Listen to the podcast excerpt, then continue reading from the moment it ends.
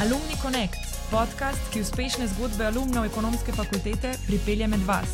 Ne zamudi in se pokonektaj z nami. Pozdravljeni na novi epizodi podcasta Alumni Connect, danes za Društvom študentk poslovnih ved. Z nami je dr. Jrneja Jukjerše, ki je vodja predstavništva Evropske komisije v Sloveniji. Po izobrazbi je ekonomistka z mnogimi izkušnjami življenja in delovanja v tujini. Danes, kot pravi sama, v Sloveniji predstavlja oči, ušesa in glas predsednice Evropske komisije v Bruslju. Pozdravljena, Jrneja, in hvala, ker ste z nami. Torej, moje prvo vprašanje za vas bi se naslanjalo na citat, ki smo ga našli. Torej, rekli ste, sem predana evropejka in vodja predstavništva Evropske komisije v Sloveniji, predstavljam oči, ušesa in glas Evropske komisije v domovini in skušam oddaljen Bruselj čim bolj približati Sloveniji. Zdaj, kako Slovenci po vaših izkušnjah doživljamo Bruselj in delovanje Evropske unije? Najprej lepo pozdravljen in hvala lepa za vabilo. Um, Bruselj je še vedno nekaj preveč oddaljenega. Um, v angleščini rečemo, da je Bruselj tisti scapegoat. Se pravi, ko je kaj narobe, je kriv Bruselj. Ko je kaj prav, smo vsi, slovenke in slovenci, mi to naredili. Uh, in uh, vse fajn, ne, imeti enega takega grešnega kozla, uh, ampak ni vedno tako. Ne. Jaz verjamem, da sam Bruselj, oziroma če Bruselj enačimo z Evropsko unijo, je uh, naredil ogromno dobrega za vse nas. In um, ljudje se mogoče tega ne zavedajo najbolj. In zaradi tega, dosti krat, ko se pogovarjam z mladimi, starejšimi uh, v regijah, v prestolnici, z tistimi, ki ne delajo vsak dan z Evropsko unijo, kar malo tako pogledajo. Aha, a, ok. Se pravi, Bruselj je še vedno nek black box, ne, ljudje ne poznajo še dovolj, uh, zaradi tega ga je treba to škatlo odpreti in na enostaven način ljudem prikazati, kaj to je in kaj pač je dobrega prinesel. No, in zdaj ste rekli, da želite približati to delovanje, ne? torej odpreti ta black box, upam, da ne Pandorino škatlico, ampak black box. Ma, uh, ja, uh, zdaj, kar se Pandorine škatlice tiče, ko se gre enkrat odpirati pogodbe, EU pa to, uh -huh. se strinjam. Padorina. Ne, ne, jaz ne bi šla tako daleč. Jaz želim se pogovarjati predvsem z uh, državljankami in državljani in uh, da lahko vprašajo v bistvu vse, kar jim pade na pamet, ne, kaj ta Evropska unija je. Uh, in najraje se niti ne spuščam tako v strokovne debate, tiste tehnične, ampak tiste najbolj enostavne. Uh, toliko je zelo, zelo um, takih simpel, ne, enostavnih odgovorov, kaj Evropska unija je, vendar se pač ljudje, ljudje tega ne vprašajo. In uh -huh. to je, mislim, naša naloga. Uh -huh. Pa opažate, da že prav osnove, naprimer, slovencem niso čisto jasne, ko pride do delovanja Evropske unije, ali so bolj kakšne specifike? Jaz vidim tukaj dve, um, dva velika koša. Ne. En koš je tisti mladi, tisti osnovnošolci, srednješolci, ki jih tu malo že mučijo, ne, da morajo se to učiti, uh, mislim, da pri državljanski vzgoji, da morajo to in že kar nekaj vejo. Potem je pa ena druga uh, populacija, ki v bistvu ni živela te Evropske unije, ki so morali, ki ni bilo treba tudi se naučiti tega v šoli. Ampak enostavno ena pogodba je prišla enkrat, ena drugič, en referendum, en je šel ven in tako. In niso se poglobili v to tem ljudem je pa treba še vedno kar nekaj povedati, ni tega uh, prav veliko razumevanja, kaj je Evropska komisija, kaj je parlament, kaj je svet, kakšna je razlika med svet Evrope, Evropski svet pa svet uh, eh, EU. To je, uh, mislim, da še kar. Uh, Neznanka. Uh -huh. In zdaj, kako bi pa opisali delovanje predstavništva Evropske komisije v Sloveniji? Tako kot sem res v citatu rekla, ne, uh, mi smo tisti, ki uh, smo tu, v bistvu, mi smo to za Evropsko komisijo, hkrati pa še bolj natančno, uh, moja vloga je, da sem uh, oči, ušesa in glas predsednice Evropske komisije v uh, državi članici. Uh, tako da um, v vsakdanjem uh, delovanju, kaj to pomeni, uh, pogovarjam se z oblastmi, se pravi, grem do ministrov, grem do uh, državnih sekretarjev, do nevladnih organizacij in jim skušam razložiti, kaj, uh, kaj je. Uh, hkrati pa tudi z državljani se pogovarjamo. In jaz um, z samimi um, institucijami, jaz pravim, da mi smo tukaj, da prevajamo, uh -huh. pa ne iz angleščine v slovenščino, ne, ne, mi prevajamo bruselski. Uh, jezik v slovenski, oziroma angliški jezik, ki se ga govori tudi v Sloveniji.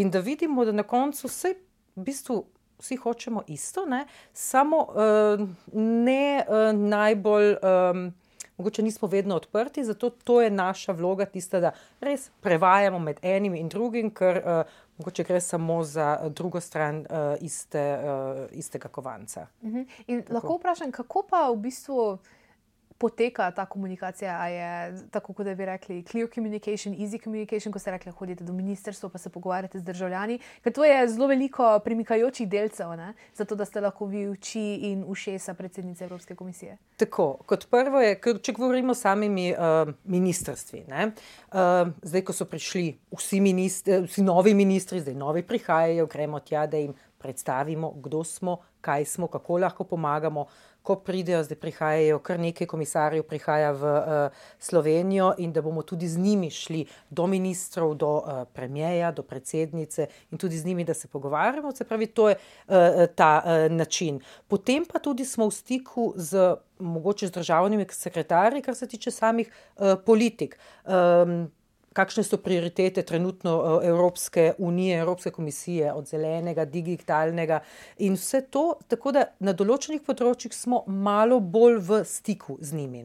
Torej, to je en del. Drugi del, ko govorimo o državljanih, je pa to. Jaz zelo rada hodim po regijah, se pravi, nisem samo ljubljena, zelo rada se z mladimi pogovarjam, ker so zelo kritični, ampak dobro kritični, je prav, da sprašujejo. Eh, potem eh, tudi eh, mediji imajo kdaj pa kdaj kakšno vprašanje in je zelo raznoliko delo in zelo velik si okrog. Nisi dosti v pisarni, ampak na tak način lahko mogoče dosežeš še malo večjo. Pač skupino. Mhm. Zdaj, ko ste ravno omenili, da so mladi dobro kritični, v kakšnem smislu? Uh, ko imam dialog z mladimi, uh, se ti zelo težko uh, pripraviš, ker to gre za vprašanja od A do Ž, dobesedno. In uh, mi uh, imamo tukaj, govorimo o Evropskem zelenem dogovoru, naprimer. In vsi vemo, in tudi mladi vejo, da Evropski zeleni dogovor je potreben, moramo mladim pustiti boljši svet. Ampak mladi ti jim ne boš povedal, kar ti, tudi kar ti nekdo napiše za press release. Ne, naprimer, ne, ne, mladi bo rekel tem se ne strinjam, to je drugače, kaj so električni avtomobili. Uno. In tako da moraš imeti v bistvu odgovore na vse, kar pa ne moreš imeti. Zaradi tega moraš kritično razmišljati skupaj z njimi, in uh, glavno je tudi, da mlade spodbudimo, da morajo biti. Jaz pravim, konstruktivno kritični državljani, uh, da ne samo vse slabo, kar prihaja od nekje drugje, ne, ne, uh, Uh, ampak uh, jaz mladim rečem, da je te razmišljati, kako zadeva izboljšati. Uh -huh, uh -huh. In imajo prav kakšne konkretne ideje, kako bi se lahko tudi stvari izboljšale, ali se ostane na vprašanjih? Um, ker je zanimivo včasih se z mladimi pogovarjati, ne? zaradi tega, ker imajo drugačen pogled na stvari, drugače vidijo.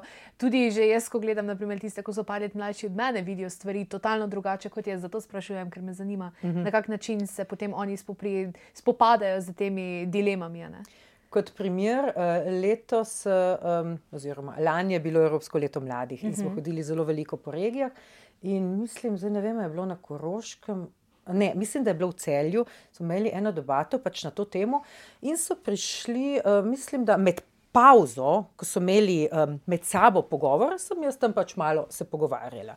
In so prišli, mislim, da dva oziroma tri fantje so za vsako stvar, ki je kdo rekel, ja, ne, to pa ni tako. In naprimer, potem so začeli govoriti o električnih avtomobilih, kaj je narobe z njimi.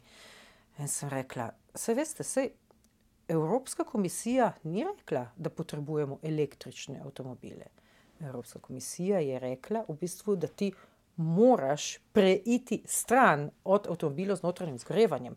In kaj to pomeni? To pomeni, da ne boste vi rekli, kaj je vsem narobe, jaz vam vračam žogico. Dajte vi razmisliti, kakšne so inovacije, kakšne so druge zadeve, tako da v bistvu pridemo do tega cilja, ki je za vse, ne? bolj čisto okolje, ampak hkrati tudi. Uh, Kot priložnost, kot bolj uh, kompetitivno. Uh, in um, s temi mladimi je bilo v bistvu za vsako zadevo, kar je bilo na različnih področjih, oni so dali vprašanje, sem dala odgovor, pa so šli eno stopnjo dlje. Tako da je bilo res tako prav challenging, uh, zanimiv uh, pogovor in to želimo mi doseči. Jaz nočem državljanov, ki bodo čisto za vsako stvar pokimali. Ne, treba je vklopiti uh, tako uh, pamet, kot tudi svoj glas. Mm -hmm. No, to je super. Zdaj pa, če se malo vrnemo pa v vaša mlada leta in se vrnemo v čas vaše diplome. Torej, kakšni so vaši spomini na študij na ekonomski fakulteti v Ljubljani? Lušno. Lušno. Lušno. Jaz sem. Um, Jaz nisem eden od tistih ekonomistov, ki sem že odvedno vedela, jaz bom pa ekonomist. Če začnem s tem, zakaj sem sploh prišla na ekonomsko fakulteto. Jaz sem uh, v srednjo šolo hodila v gimnazijo v Novi Gorici in v tretjem letniku, ne bom pozabila, smo imeli tabor Cojzovih štipendistov. In so imeli različne deja, delavnice. In delavnice, ok, kam bi jaz šla, in sem se odločila, da bi šla na etnologijo. Pa pride potem ena gospa do mene in reče: Veš kaj, ta skupina je polna, ker bi samo dva vzeli, pa bi šli z avtomobilom, a bi šla ti na kaj drugega, ker si vse stranska. Ok, kaj pa je prosto, ne vem, bi šla uh, podjetništvo. Ok, dajmo probat. Nekaj čisto novega. In sem prvič, vem, da ni isto podjetništvo kot ekonomija, mi je popolnoma jasno, ampak prvič sem sploh spoznala ta drugačen svet. In uh, se mi je, um, me začelo zanimati, in na to sem to idejo malo razvila in pristala ne na biznisu, na ekonomiji, ker sem tudi um, malo na znanstven način mm -hmm. uh, me vse to zanimalo. In ko sem prišla na ekonomsko fakulteto, uh, sem pač uh, kot pridna študentka lepo pridno študirala, hkrati, kaj me je pa povleklo, takrat pa mislim, da tega ni več, je bil ASEC. Uh, se pravi, to je bila Association Internationale des étudiants de droit économique et commerciaux, to je zdaj po francosko, okay, zdaj ja. da prevedem, se pravi mednarodna organizacija za študente ekonomskih in uh, poslovnih ved. Uh mhm. -huh. In to je bilo tukaj mogoče, um, imate zdaj en drugačen svoj uh, krok. To je bilo nekaj, ker smo delali različne seminarje, hodili smo po svetu, Erasmusa mm. tok ni bilo takrat za nas, imeli pa drugače uh, twin seminarje in to je bilo tisto um, nekaj, da greš čez sebe, da je izziv. In to mi je bilo odlično, ker sama se nisem nikoli zadovoljila s tem, da mi da nekdo knjigo, nauči se to. Ne, ne, ne. nekaj v življenju rabiš izziv, da premikaš meje. In to mi je ekonomska fakulteta omogočila, tako študij, kot tudi uh, dejavnosti okrog. Mhm. Pa bi rekli, da je to ta um, vrednota, ko vam jo je predala ekonomska fakulteta, torej to, da znate premikati meje? Uh, gotovo, mogoče sem jo že imela, mi jo uh -huh. pa gotovo izoblikovala. Uh -huh. uh, to v tem času študija, ker res pač prej nisem vedela, ne kaj bi, kako bi, ampak tu sem dobila možnost. Če bi šla mogoče na kakšno drugo fakulteto, ki bi bila malo bolj rigidna, tega ne bi bilo, tukaj je pa res uh, to uh, in je ostalo z mano, non-stop je tisto, kaj bi ti v, laj, v lifeu, se pravi, čujem v življenju, tisto, vedno nekaj novega. Mhm. Pa, eh, se je že takrat oblikovala ta nekako želja, pa izkušnje po, po mednarodnem okolju? Ste to dobili za to zvezo, ko ste jo preomenili, ali ste to že imeli prej vsak? Uh, eh, rekla sem, da prihajam iz Nove Gorice ne? in ja. v bistvu iz stanovanja jaz vidim čez v Italijo in sem vedno spremljala to, uh, uh, pač kaj se dogaja na drugi strani meje. In sem rekla, jaz ne vidim nobene eh, razlage tukaj, zakaj imajo oni boljše življenje kot mi. In sem se začela pač poglabljati v to, in sem videla, da Evropska unija je nekaj, kar uh, je um, za vse nas, za njih, za nas, nekaj skupnega, in sem začela zelo verjeti v to. Hkrati mi je pa Evropska. Um, Ekonomska fakulteta dala to možnost, da sem tole tudi razvijala. Imeli smo predmet ekonomike Evrope, ki uh, mi je res prva vrata sta se odprla uh, na tak način, in uh, sem rekla, to je nekaj, kar uh, mi, v bistvu, mojo radovednost ne, uh, mi uh, pomaga na nek način, da vidim, uh, kaj se še za mejami dogaja. Uh -huh. In zdaj na študije, na magisterij ste pa delali potem iz evropskih študijev na College of Europe v Belgiji. Zdaj, zakaj ste se odločili ravno za to fakulteto in ravno za, za to usmeritev? Torej, zaradi tega, ker ste začeli verjeti v Evropsko unijo, pa ste videli uh, primerjavo, ne, ko, tako ste rekli, uh -huh. ste gledali skozi okno v Italijo ali uh -huh. kakšen, druga, kakšen drug razlog za to usmeritev? Um, kot prvo, um, v tistih časih, kot pravim, ni bilo ogromno uh, študijev, ne? sicer si lahko šel eh, študirati v tujino, ampak tega ogromno ni bilo. Uh -huh. In uh, da še malo pohvalim Evropsko uh, ekonomsko fakulteto. Um, eden od profesorjev, mislim, da je bilo ravno pri ekonomiki Evrope, je uh, prišel. Um, Nekdo je povabil nekoga, ki je delal že na Evropski komisiji. Uh -huh. Ena punca je prišla in je delala takrat na DG Competition in je razložila, kaj sploh komisija je. Jaz sem takrat prvič to slišala, ker to ni bilo, da bi se od uh, učil o tem. Učili smo se o sami ekonomiki Evrope, ja, Evropske komisiji uh, ne. In nam je predstavila, kaj je, kakšne so možnosti, in jaz sem bila začarana. In potem enkrat sem v dnevnem časopisju je bil objavljen razpis za štipendijo za College of Europe, ker ga je ministrstvo oziroma ne ministrstvo za danes deve, takrat je bila služba vlade za evropske zadeve objavila in so rekli, oh, to pa je nekaj. In takrat sem šele ugotovila, da to je, um, uh, to je the ne, magisterij, če te zanimajo evropske študije. In sem rekel, oh, pa dajmo se prijaviti. In takrat. Angliško sem znala tekoče, francoska ne, sem se začela učiti šele par mesecev pred tistim, uh, um, pred, tistim uh, pred prijavo. Uh, in šele kasneje sem v bistvu izgotovila, da mi je sekira umet padla, mm. da to je nekaj takega. Ampak sem rekla, da je mo probat, in potem bila sem uspešna, šla sem tja in sem videla, da je to. Uh, pa še na tem magisteriju, potem tudi um, opaziš, sem videla um, osnovo znanja, ki smo jo imeli mi od tukaj je bila ne samo primerljiva s celo Evropo, smo v bistvu zelo, zelo uh, dobro znali makroekonomijo, mikroekonomijo, ekonometrijo, vse to in se ti zdi kar fajn, in potem ti da to tisto moč, da na tem še uh, gradiš. Mhm, torej, to je ta izkušnja, ne, ko ste umeli z magisterijem, ampak ali se vam je še takrat toliko bolj odprl ta mednarodni vidik, ko ste bili v Belgiji, a ne, ko ste šli ven? Ja, to je bilo, tam je bilo 35 uh, nacionalnosti, je bilo uh, približno uh, na šoli. In ena najbolj fajn zadev je bilo, predstavljajte si, uh, Eurovizijo gledati v taki skupini. To je bilo odlično. To so bile take, um, res mislim, tudi čustvo ne, na srečo. Slovenija je bila uh, tisto leto šesta, ne bom povedala, katero leto, ampak uh, tako da je bilo res, smo bili tam del enakih. Mm -hmm. Nismo bili takrat, je bilo, to je bilo še pred, uh, prednja Slovenija, postala del EU, mm -hmm. vendar smo bili eden od enakih in to vidiš, da uh, ne tekmuješ več z enimi. Pač lokalno, ampak ti teku, tekmuješ na absolutni ravni in to je tisto, kar uh, je, ti da še bolj krila. To si pa predstavljam, da mora biti zelo zabavno gledati. Team spirit ja, za države. Tako, ja, tako. Ja. Uh, ste pa tretjo stopno, torej doktorat, ste pa upravili na Univerzi v Nottinghamu iz ekonomskih znanosti in tam ste tudi postali asistentka na faksu, ne teacher's assistant.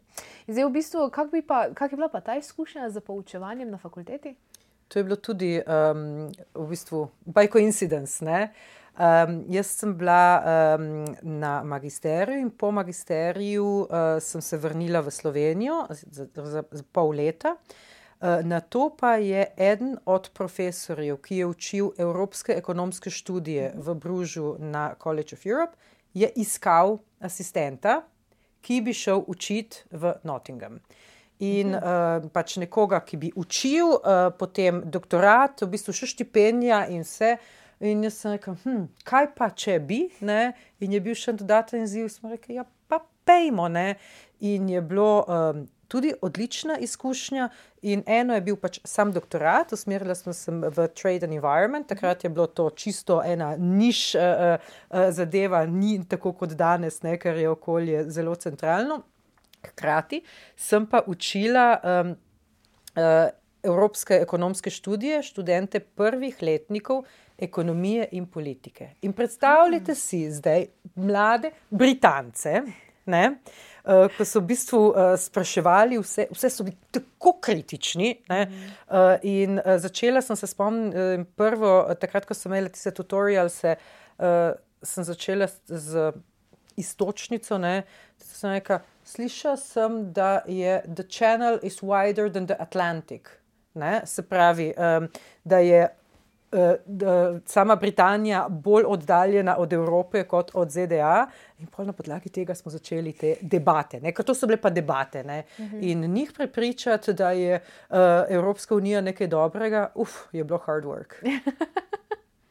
da ni to zdaj ta generacija, ko je šla za Brexit. Na, jaz, na, na.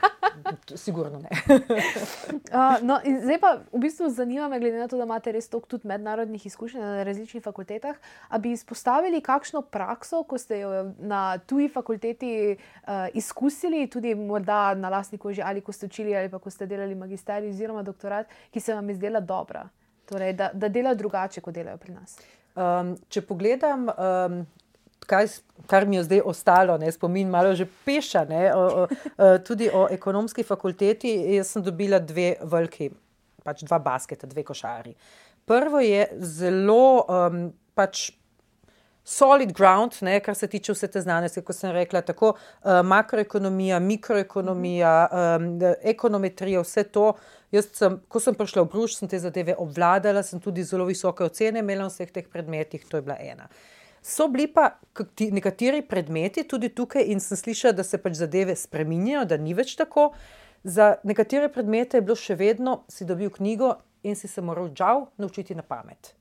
Tega gor ni bilo. Uh -huh. V bistvu si ti moral uporabiti zadeve. Uh -huh. in, um, ampak sem slišala tudi uh, ekonomska fakulteta v Ljubljani, rase s tem. Nujno je namreč to, da ti nekaj prebereš in z tega nekaj narediš, da znaš biti kritičen, da ne sprejmeš uh, vse, kar ti dajo. Uh, in, uh, tako da to je tista praksa, uporabna, ne? kako pač delaš na podlagi tega. Uh, ampak, uh, sem slišala, da ekonomska fakulteta je definitivno na pravi poti. Ja, se razvijamo pravilno. Zdaj, med letoma 2005 in 2013 ste bili na uh, Generalnem direktoratu za notranji trg in ste delali na področju poslovnih storitev in avtorskega prava. Med uh, 2013 in 2016 pa ste v Generalnem direktoratu za gospodarske in finančne zadeve delali, kjer ste se pa ukvarjali z poglabljanjem ekonomske in monetarne unije, medinstitucionalnih zadev in ste se tudi ukvarjali z odnosi z mednarodnimi mednarodnimi organizacijami. In zdaj v bistvu glavno moje vprašanje je, glede na to, kako širok spektr dela ste opravljali med 2005 in uh -huh. 2016, kako je ravno delovanje na teh različnih področjih poglobilo vaše razumevanje o kompleksnosti Evropske unije? Ker tudi vemo, ne, iz, tako kot ste že večkrat omenili, iz ravno predmeta ekonomika EU, da je EU, ena izmed najbolj kompleksnih monetarnih unij, ki ko so pač države skupaj. In me zanima, kako je to dejansko poglobilo vaše razumevanje te kompleksnosti. Um. Kar, no, yeah. pravi, to je že kar nekaj um, izkušenj, ko dobiš uh, pač iz različnih uh, zornih kotov. Uh, kaj je zelo, zelo pomembno na Evropski komisiji, je, da tam, kjer ti začneš, to ne pomeni, da tam ostaneš. Mm -hmm. Po rečemo, od treh do petih letih, oziroma petih letih, lahko malo tudi uh, več, je um, kar pričakovano, da ti zamenjaš področje. Mhm. Zakaj? Zaradi tega, da ne zaspiš. To je tisto, mhm. da v bistvu začneš. Uh, Se učiti nekaj drugega, in če primerjamo Evropsko komisijo s slovensko državno upravo, v slovenski državni upravi je dosti bolj, vsaj tradicionalno, um, normalno, da ti začneš nekje in si 30 let isti, na isti poziciji. Kar ti je mogoče bolj enostavno, ne? kar po mojem, po desetih letih že vse za zaprtimi očmi lahko počneš, če seveda se ne razvijaš na drugačno, oziroma višjo mogoče pozicijo. Uh, na komisiji, um, v bistvu ti um, ni. Ne bodo te prisilili po petih letih, da zamenjaš, ampak pravijo, da je potrebno, za same menedžerje so pa dali, da po desetih letih moraš zamenjati. Ne? In jaz sem tisti človek, ki. Jaz ne bom rekel, da mi postane dolg čas, ampak vedno, ko pridem jaz da, do točke, da zadevo delam ok, da mi ni čisto vse, kar preberem, nekaj novega grem brskati, uh mhm, -huh, kaj pa bi zdaj nekaj novega delali. In zaradi tega sem potem se tudi sama razvijala tako, da sem želela nekaj novega in tudi potem ti rečejo, to smo že probali, to se ne da. Ja, pogledaš pa na drugačen način. In potem spoznaš v bistvu zelo, zelo širok spektr delovanja. In so čisto drugačne zadeve, kako ekonomisti delajo, kako mhm. koordinacija deluje, kako deluješ z uh, drugimi um, uh, pač institucijami. In to ti da um, tisto širino, hkrati pa tudi razumevanje. Tega, ja, da niso tako enostavne zadeve, uh, ampak tudi um, mogoče potem z rezervo vzameš stvari, ko vidiš, kako te stvari potekajo. In kaj bi pa rekli, da je največji izziv v delu med tem medinstitucionalni ravni? Uh, me, uh, iz, tukaj, če pogledamo um, Bruselj, ne, je, ko sem govorila o black boxu, ne, uh mhm. -huh. je Bruselj. Ko uh mhm. -huh. pogledamo v Bruslu, kaj to je, imaš uh, več institucij. Ne, In je tudi velika konkurenca med institucijami, seveda. Verjamo, Evropska komisija pravi, da mi smo tisti, ki tako vse najbolj znamo. Uh, Evropski parlament je, je tisti, ki skrbi za dobro uh, evropejcev kot takih, ne? ampak oni so tisti, ki potem, se veste, ne, komplicirajo zadeve. To zdaj jaz se mal hecam ne, tukaj, ne, zaradi tega, ker vsak uh, potem želi uh, Eh, če imaš kakšno zakonodajo, dati nekaj, kar mu mogoče stranka nara, eh, nalaga, uh -huh. da se zadeve naredi mogoče boljše za državljane, ne? vendar kljub temu ne iz strani komisije nekega eksperta, ki je zdaj napisal, reče, ah, to je komplikacija. Ne? Ampak je pa nujna komplikacija. Potem je pa. Um, Sam uh, svet EU, ne, to so pač države članice, sekretarijat ni tako velik, ne, pa tudi imajo drugačen pogled. Uh, in uh, kako je lepo videti te tako imenovane trialoge. Ne? Se pravi, ko gre zakonodajni proces tako daleč, mm. da imaš ti pogajanja, konkretno komisija, parlament eh, in uh, uh, svet. Uh, Zaprti v eni sobi, ko grejo čez te uh, um, člene, je ma, odlično videti to prav prava pogajanja in uh, um, to ti da tudi še eno širino. Vidim, da imate res ta diplomacijo, imate globoko v srcu zapisano. Ma, ne vem, če je diplomacija, jaz še vedno, uh, mi tukaj nismo, v bistvu, na nek način smo. Um, Kot ambasadori uh mhm. -huh. Evropske komisije tukaj, ampak po um, statusu nismo diplomati. Ne?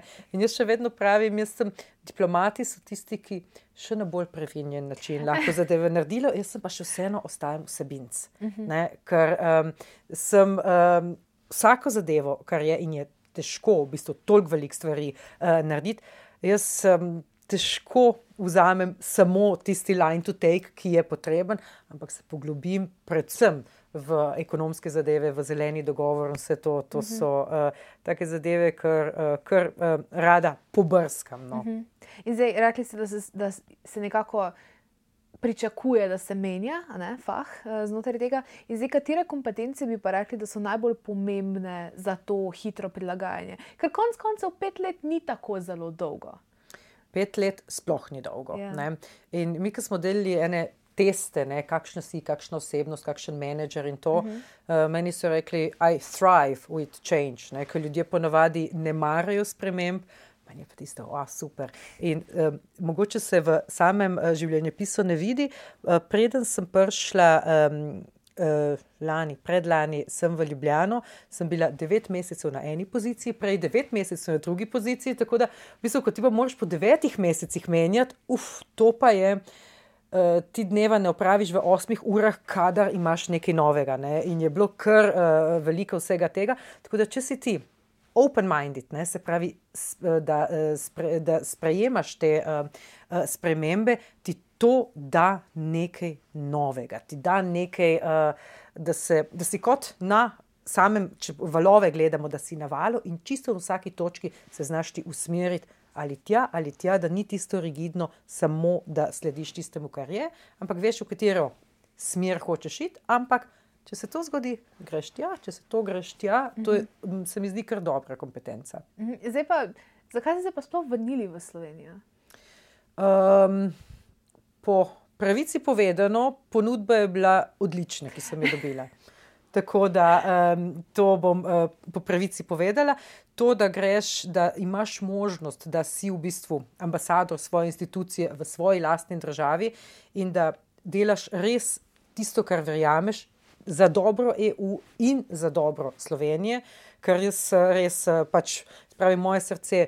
Pol modro ne, za EU, pa pol zeleno za Slovenijo. Uh, v vsakem primeru uh, je to um, odlična priložnost, ne. hkrati bilo je predsedovanje. Dobila sem to ponudbo tudi tik pred predsedovanjem, kar je bila itak še nekaj posebnega, ne. odlična pač ta izkušnja. Je pa tudi res, bila sem v tujini dvajset let in srce si je tudi želelo domov, je kvaliteta življenja tukaj je odlična in tudi mogoče se, ne vem, smešno sliši, ampak tudi rada bi pač bi vrnila rada nekaj tudi Sloveniji, tudi nekaj v dobro Sloveniji, ker Slovenija me je izobrazila in bi rada tukaj na neki način tudi dala nekaj dobrega nazaj.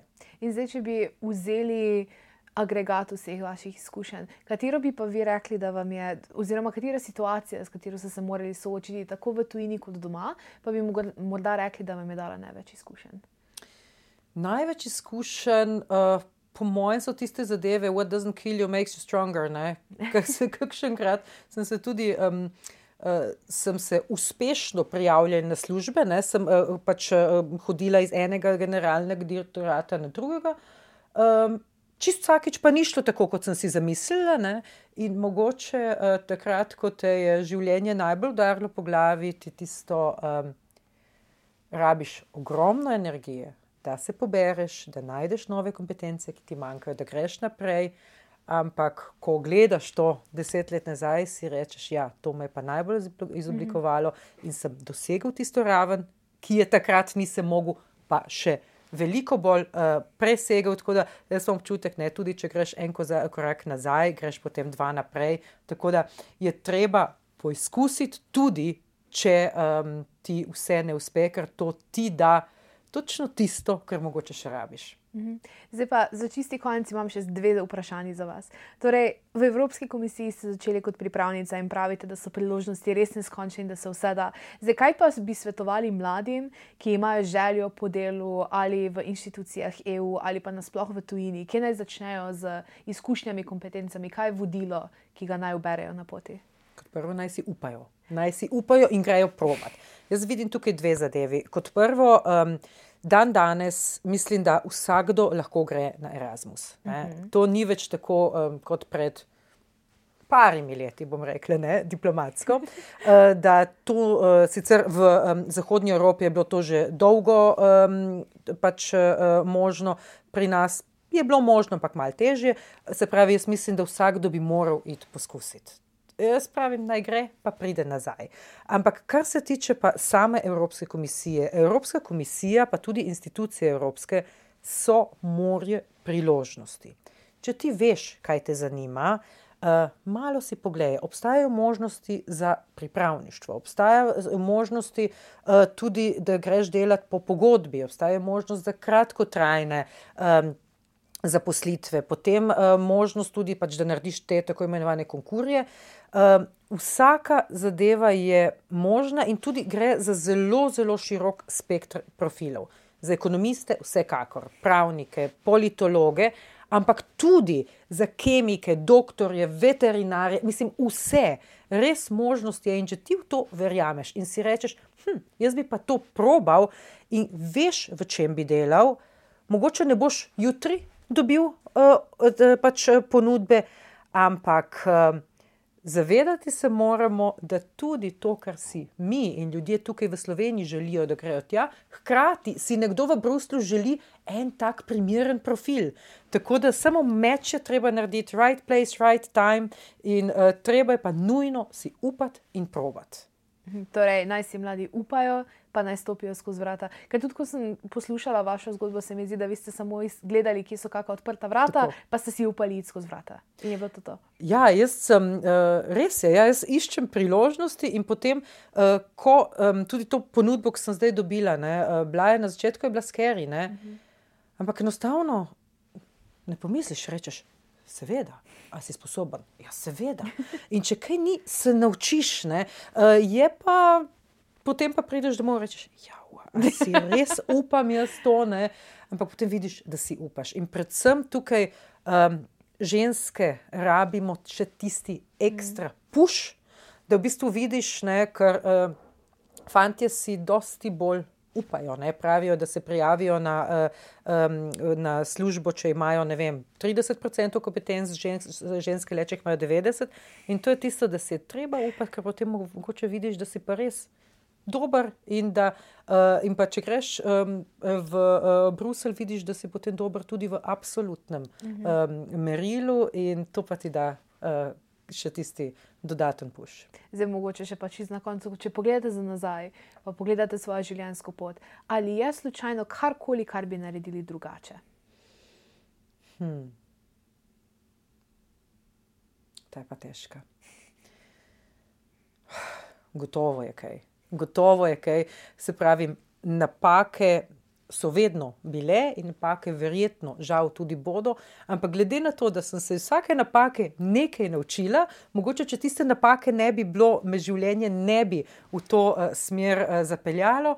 Tako da, po mojem, bom rekla, ne, sem zadovoljna, ki jaz sem, je pa tudi to samo odskočna točka in bomo videli, kaj prihodnost prinese. Tako, Erna, hvala za vaš čas. Hvala vam.